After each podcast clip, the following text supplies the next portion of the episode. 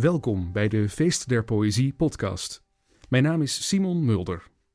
Ter gelegenheid van het 200ste geboortejaar van Charles Baudelaire en de bijbehorende voorstelling bij de Nieuwe Liefde in Amsterdam brengen wij, in samenwerking met uitgeverij Het Moed, een nieuwe bloemlezing uit het werk van deze decadente Franse dichter, getiteld Le Poison, oftewel Het Gif vertaald door meestervertaler Peter Verstegen en samengesteld door mijzelf.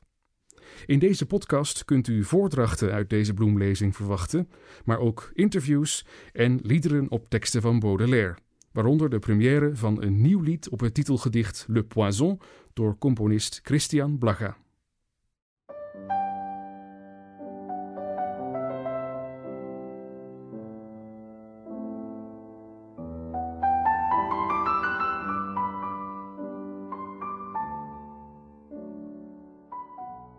In deze aflevering staan we stil bij een favoriet drankje van Baudelaire en van zijn tijdgenoten, de absint. En we beginnen daarom ook met een gedicht dat vertaald is door Robert de Does uit het originele Frans van Eugène Vermers, het sonnet van de absint.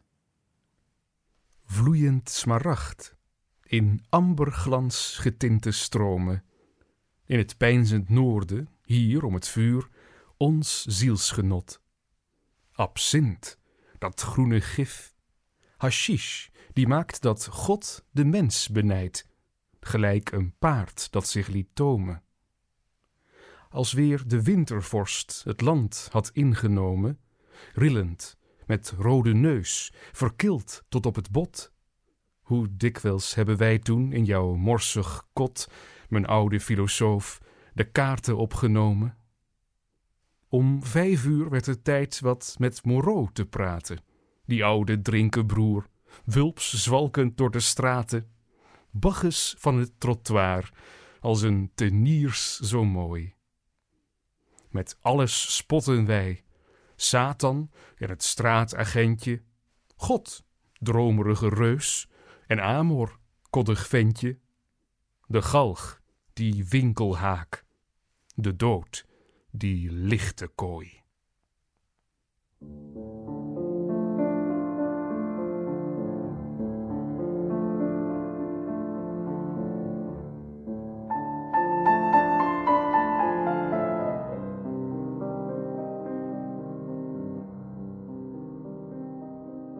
U hoorde het sonnet van de absint van Eugène Vermers.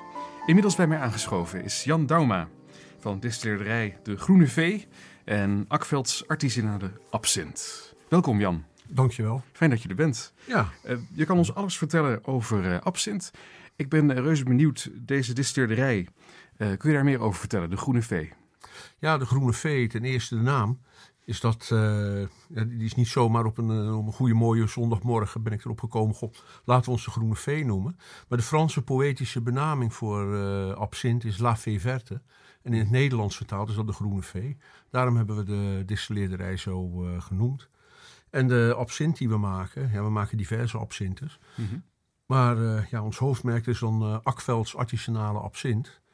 En er komt een, een, vriend van me, Ton Akveld, die is daarmee begonnen. En die is ernstig ziek geworden in 2013. En toen belde zijn vrouw mij op van... Jan, wil je mij komen helpen om de boel te ontmantelen? Mm -hmm. Ik zei, natuurlijk wil ik dat doen. Maar ik zeg, ja, dat is toch eigenlijk zonde om dat te ontmantelen. Weet je nou, toen ben ik gaan praten met een vriend van me, Sjaak. En, uh, toen zijn we er eigenlijk allebei enthousiast uh, over geworden. En toen hebben we besloten het samen over te nemen. En ja. dat, het recept van de, de Akvelds artisanale absint ja.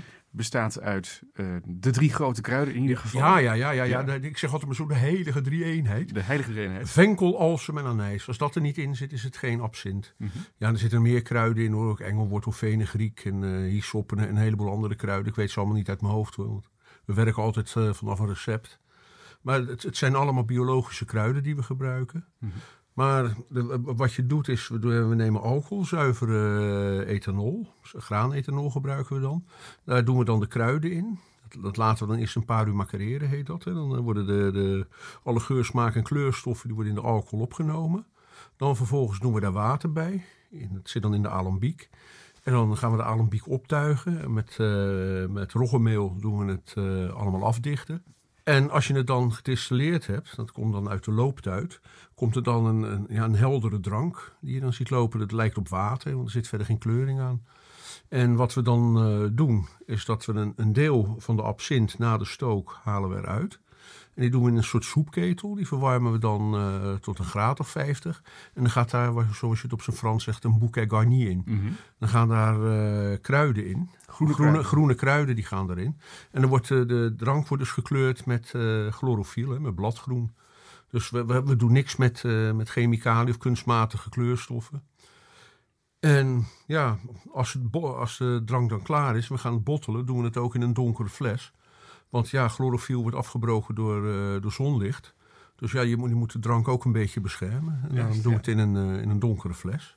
Ik heb uh, wel eens gehoord dat je inderdaad, als je wilt weten of een absint natuurlijk gekleurd is, dan kun je hem in het raam zetten op ja. de vensterbank. En dan als die bruin is geworden, dan is het jammer van de kleur van je absint. Maar... Ja, dan weet je in ieder geval dat je geen rommel hebt. Ja. wat je ook kan doen, als je een fles koopt en je zit is een natuurlijke absint en er zit gewoon in een heldere fles en je ziet dat die groen is, ja, dan moeten alle alarmbellen gaan branden. Dan heb je waarschijnlijk rommel uh, te Kijk eens aan, dan is het niet natuurlijk gekleurd. Nee, dan is het niet natuurlijk uh, gekleurd. Dan komen we inderdaad op het punt ook van hoe je het bereiden moet. Dus je hebt een mooie fles, goede artisanale absint gekocht. Ja. En uh, daarna is er het ritueel? Ja, dan is er het ritueel. Dan, dan heb je, ja, wat ik dan doe is meestal een Perigord glas nemen. Dat is een wat dikker glas van ongeveer 17 centimeter hoog. En daar doe je dan een, een laagje absint in. Meestal tussen de 15 en de, en de, ja, de, de, tussen de 15 en 20 cc. Het is, het is iets minder als een, uh, als een borreltje. Maar het moet ook wel. Die absint is 68 procent. Mm -hmm. Dus die heb ook niet zoveel nodig. Dan leg je op dat glas leg je een absintlepel. En dan kun je eventueel kun je een suikerklontje op leggen. En dan plaats je hem onder een absintfontein. En die absintfontein is dan gevuld met ijs en met water. En dan zet je hem een beetje onder het tuitje. En dan draai je het kraantje open. En dan zie je dat er ijswater op gaat druppelen. En wat er dan gaat gebeuren is dat het ijswater komt in de absint terecht. En de absint is, is een heldere groene vloeistof, een transparante vloeistof. Het is groen van kleur, je kunt er doorheen kijken. Maar wat er dan gebeurt is dat je, je voegt het koude water toe omdat je het. Er moet nogal wat water in hoor. We zeggen twee keer zoveel water als absint. Dus een verhouding oh ja. van 1 staat tot 3. Dus één deel absint en twee delen water. En als het proces bezig is, dan zie je de louche ontstaan. Dat is een vaagheid. Dan wordt, die, wordt het glas troebel. Dan is het net alsof je een, een, glas water hebt en een scheutje melk in is gedaan. Met een groene zweem eroverheen. Mm -hmm. Zo ziet het er dan uit. En. Uh, het gaat dan ook heel erg naar anijs ruiken. Want, want wat er gebeurt is, doordat je het, uh, het glas afkoelt, weet je, de vloeistof afkoelt, en je doet het relatieve alcoholpercentage verlagen, dan kunnen de etherische oliën, met name van de anijs, die kunnen niet langer opgelost blijven in de alcohol. En dan gaat het beslaan. En op zijn Frans noem je dat de louche. Dan wordt die troebel en vaag. En dan, dan, komen ook de aroma's eruit. Want als je dan zo'n glas inschenkt, ja, de hele kamer is, uh, die is gevuld met een anijsgeur. Ja, heerlijk. Ja, ja. Het water loopt mal in de mond. Nou, helaas geen absint bij ons nee. momenteel. Maar, nee. um, je noemde de absintlepel en de absintfontein. Kun je beschrijven hoe die eruit zien? Nou, een, een absintlepel, dat is een, uh, zeg maar een, een lepeltje ook ongeveer van zo'n 17 centimeter lengte. Uh, het lepelgedeelte is dan uh, wat je bij een lepel de bak noemt. Die is dan plat en die is kunstig opengewerkt, dat het net een soort zeefje lijkt. En in de steel zit een soort hobbeltje dat die op de rand van het glas blijft liggen. Mm -hmm. En dan kun je het, uh, het suikerklontje kun je dan op de, wat je dan de bak noemt, die opengewerkt het platte stuk. Daar kun je het suikerklontje op leggen en dan kun je het water op laten druipen. En dan, dan komt dat vanzelf in het glas op zin terecht. Mm -hmm. en, en de absintfontein? De absintfontein, ja. We hebben een, een, ik, heb, ik heb een mooie absintfontein. Dat is, het is verzilverd koper. Maar dat is, zeg maar, dan lijkt het net op een zilveren voet. Ja, die, die, die is rond, ongeveer 20 centimeter uh, in doorsnede. En dan gaat hij, uh, zeg maar, een beetje taps loopt het zo omhoog. Mm -hmm. Tot een centimeter of 30, denk ik, hoogte. En daarbovenop zit een, een kristallen vat met ook een puntig zilver deksel. En onder dat kristallen vat zitten vier tuitjes met elk een kraantje. En dat vat vul je met uh, ijsklontjes. En vervolgens doe je de ijsklontjes doe je dan, uh, daar doe je dan water bij, tot die aan de rand gevuld is. En dan laat je het even staan en dan heb je dus smeltwater hè, van 0 graden Celsius. En dat is graag wat je in uh, het water dat je in de absint doet. Ja, dus je voegt ijswater toe. Dat kan ik goed begrijpen vanwege ja. het enorme alcoholpercentage en het feit dat je die dat aroma's los wilt. Ja, ja, ja, En de suiker, wat is daar de reden voor? Nou, uh, de alsem, de absint-alsem die erin zit, waar de drank ook zijn naam aan dankt, dat is ook een van de dertien bittere kruiden uit de Bijbel. Ja, ik begreep ook dat men rond 1900, toen de absint zeer populair was, ook nogal een zoete smaak had ten opzichte van nu. Dus Ja. veel zoeter. Eh, dat zou ook eh, mee te maken kunnen ja, dat hebben zal er ook mee te maken hebben gehad, ja. Dan gaan we inderdaad even terug naar de geschiedenis van de absint. Want het is heel populair geweest onder kunstenaars en schrijvers Ja, dat klopt. In het Frankrijk van de 19e eeuw met Ja. name. Hoe eh, kwam dat eigenlijk zo? Nou, wa- wat je hebt met, eh, met, met absint, als je dat drinkt, en dat heb je bijvoorbeeld ook als je een wodka drinkt of een ander drankje, dan krijg je de roes van de alcohol. Maar drink jij bijvoorbeeld, ik, ik noem maar wat even een wodka of een andere drank, en je hebt er flink wat van op, dan is er op een gegeven moment, dan vallen je ogen dicht en dan val je in slaap. Maar doordat in absint tujon zit, dat is dus een, eh, een terpeen, dat heeft een, eh, een, een soort uitwerking op het menselijk lichaam als speed. Je gaat er niet van trippen. Je gaat er ook niet eh, van hallucineren of andere rare verhalen die je erover hoort. Het enige wat het doet, is dat het zorgt dat je je werklust niet kwijtraakt. Dus je kunt drinken, je kunt in een roes geraken en daardoor inspiratie opdoen. Maar door de tujon blijf je je werklust behouden. En dan kun je lekker doorgaan met eh, dichten, schrijven, schilderen, beeldhouden. Ja. En ondanks deze populariteit is het verboden geraakt begin vorige Ja, eeuw. dat klopt. Het is begonnen in het jaar 1907 in Zwitserland. Dat is als eerste verboden geraakt. En als laatste in eh, Frankrijk op eh, ehm, 7 januari 1915. En eh, ja, in dezelfde periode had je in de Verenigde Staten de prohibition. Dat was ook een gevolg daarvan. Alleen daar was men nog meer rigide en werd alle alcohol verboden. Maar er waren twee eh, beschaafde landen, zal ik maar zeggen. Er waren Spanje en Portugal. Die hebben zich er niets van aangetrokken. En daar is absint altijd mogen blijven bestaan. Maar van oorsprong is het een Zwitsers drankje. Het stamt al uit de 11e, ce- eh, 11e eeuw. En het was een panacee, een, een, een middel tegen alle kwalen. Zeg maar, dat is eigenlijk de Zwitserse Haarlemmerolie. Oh ja, ja, ja. juist ja. Ja. Net als veel sterke dranken oorspronkelijk als geneesmiddel begonnen. Ja, ja, ja. ja. En een van de andere redenen dat kunstenaars en schrijvers massaal overstapten op de absint was de grote mislukking van de wijnoogst eind ja, 19e eeuw. dat klopt. Ja. ja, zo rond 1870, toen kwamen er eh, eh, van, met eh, transporten vanuit de Verenigde Staten van landbouwproducten, kwamen er twee plaagdieren mee, de phylloxera, de druifluis en de Corolla- co- de Colorado-kever. Eh, de Colorado-kever veroorzaakt de Phytophthora, dat is een aardappelziekte. Nou, dat heeft miljoenen mensen de dood ingejaagd op het vasteland van Europa. Zwaarst getroffen was Ierland met de Great Potato Famine. Maar na, naast dat gebeurde, had je ook de druifluis. En dat was een worteletende parasiet. En die tastte de Europese druivenrassen aan. En die waren niet bestand tegen een Amerikaanse parasiet die ze niet kenden. En toen binnen een periode van tussen 1870 en 1873 zo'n beetje zijn alle Europese druiven uitgestorven. En toen moesten de wortelstokken vanuit de Verenigde Staten gehaald worden. En die moesten weer eh, opgebouwd worden. Ja, als je begint met een wijngaard die afgestorven is, het duurt zeker een jaar of dertig voordat die eh, operationeel is. Dus je kan grofweg zeggen van tussen eh, 1870 en 1900 was er geen wijn beschikbaar. En dronken mensen alleen absint. En toen kwam eh, de, de wijnindustrie met de boze verhalen hoe gevaarlijk absint wel niet was. En dat het verboden moest worden. Weet je, dat, dat is het. Het, het was gewoon eh, vreselijke indianenverhalen. eh, het, het, het ging over, ik ben de, de man zijn naam vergeten, maar het was een moordenaar in, de, in Zwitserland. Die had zijn gezin uitgemoord en, en nog een paar andere mensen. En die had een heleboel gedronken en ook een glas absint. Nou, dan is dat duidelijk waar het aan gelegen heeft. Ja. Aan dat glas absint natuurlijk. En men verzon een term absintisme. Ja, dat, dat, dat is ook nog absintisme dat, eh, dat bedacht is.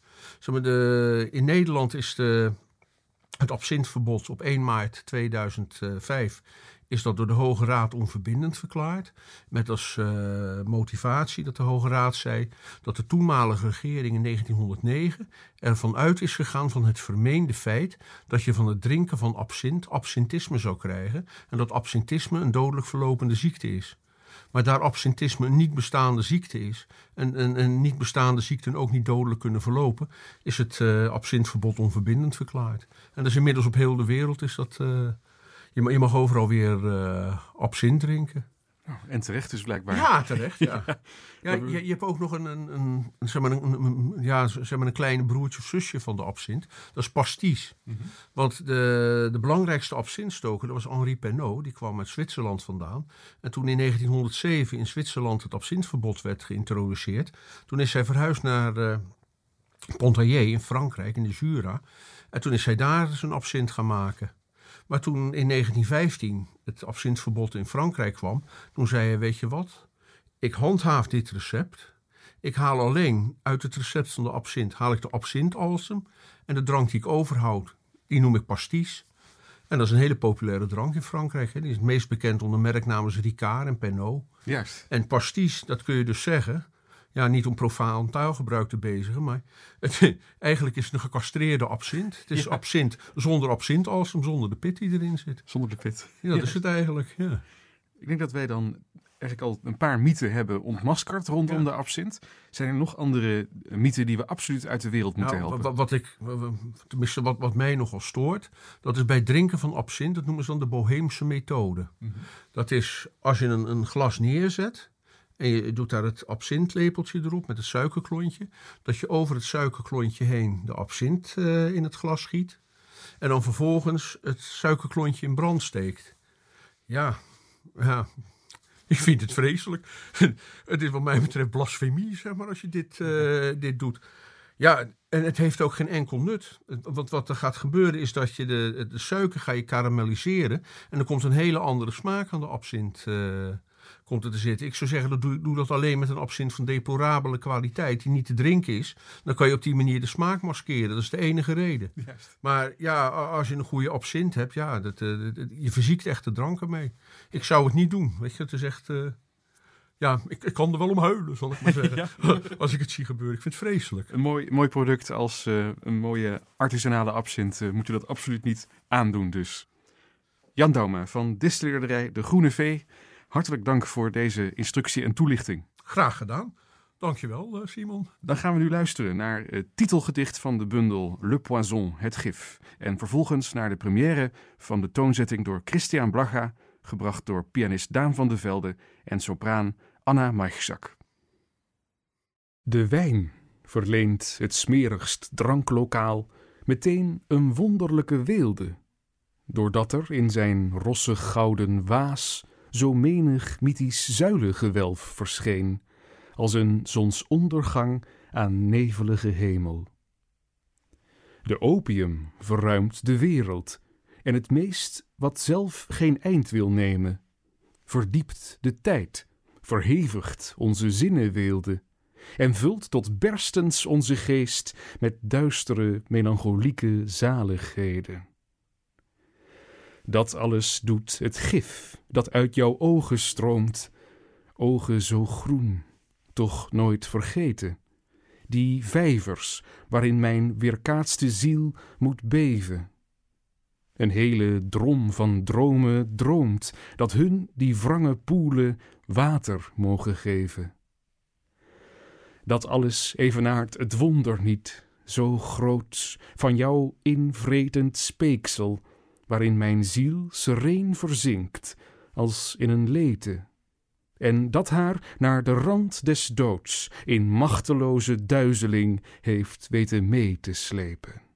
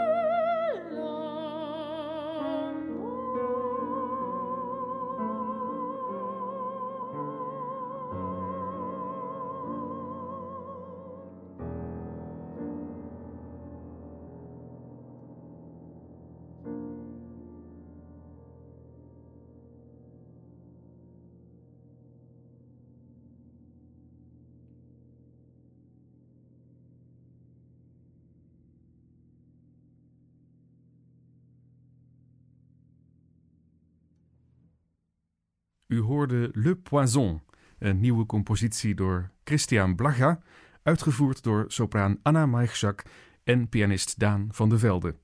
Over de wijn, de opium en de tranen van zijn geliefde met groene ogen, ongetwijfeld geïnspireerd door de absint. En daarmee eindigt deze aflevering van de Feest der Poëzie podcast, gepresenteerd ter gelegenheid van het 200ste geboortejaar van Charles Baudelaire. Deze aflevering werd gesteund door Amerpodia, het Prins Bernhard Cultuurfonds, Stichting Zabawas, Stichting Lira en het Halbertsma Santéfonds. Le Poison, het gif, de tweetalige bloemlezing uit het werk van Baudelaire, vertaald door Peter Verstegen, met een handgedrukt omslag door Josias Bonen en ontwerp van Steven Teunis van Armée de Ver, is verkrijgbaar via de website van het Feest der Poëzie, via uitgeverij Het Moed of via de boekhandel. Ik dank hartelijk onze studiogast van vandaag, Jan Dauma, en ook liedduo Anna Maigzak en Daan van der Velde, en voor geluid en montage Boukbouwmeester van Studio Beng. Vond u het mooi? Dan kunt u ons steunen door het kopen van onze uitgaven of met een financiële bijdrage. Meer informatie is te vinden op onze website feestderpoëzie.nl. Veel dank voor het luisteren en tot de volgende aflevering.